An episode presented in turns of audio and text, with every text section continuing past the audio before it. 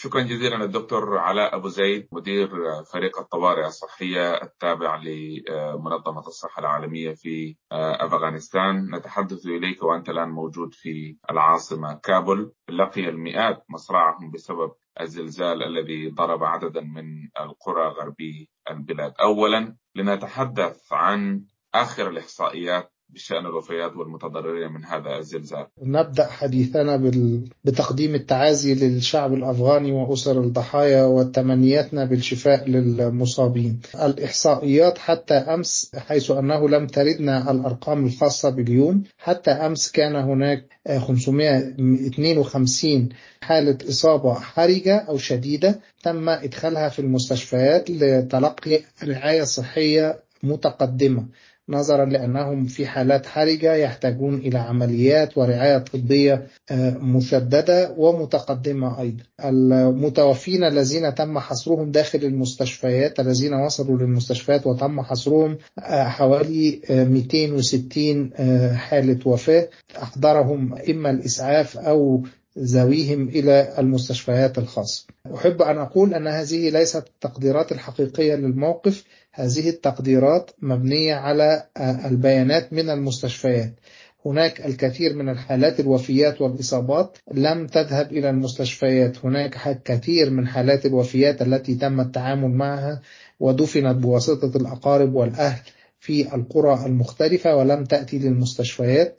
منظمة الأمم المتحدة للتنسيق أوتشا أصدرت أرقام تزيد عن الألف حالة وفاة إذا أضفنا الوفيات التي حدثت على المستوى المجتمع في حين أن الحكومة هنا في كابول قد أصدرت بيانات خاصة بأعداد الوفيات التي تم حصرها بواسطة الأجهزة المختلفة الأجهزة المحلية المختلفة بأكثر من 2400 حالة وفاة. للأسف حتى الآن ما زالت عمليات البحث والتنقيب والإنقاذ جارية.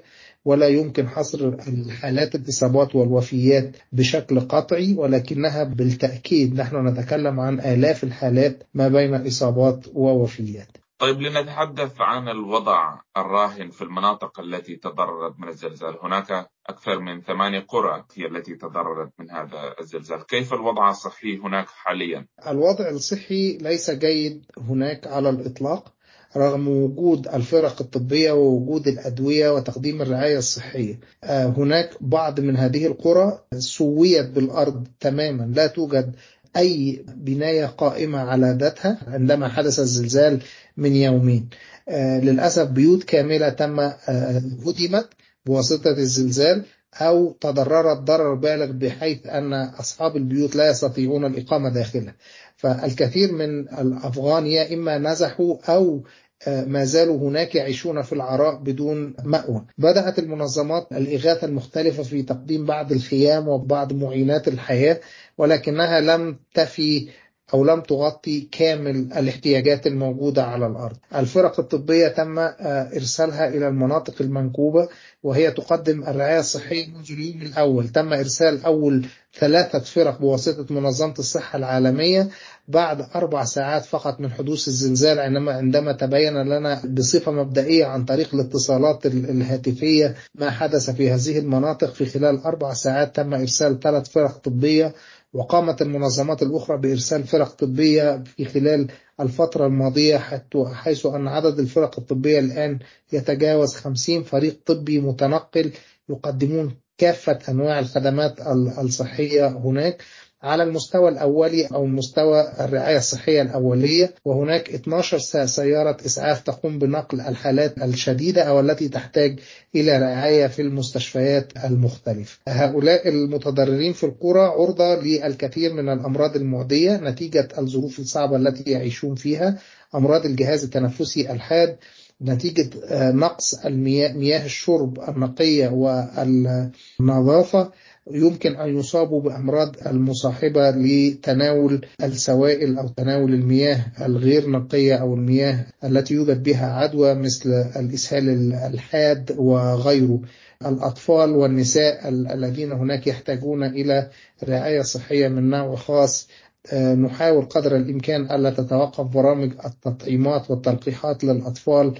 هناك حالات تحتاج حالات أمراض مزمنة تحتاج إلى أن يكملوا علاجهم مثل حالات المرض السكري وارتفاع ضغط الدم.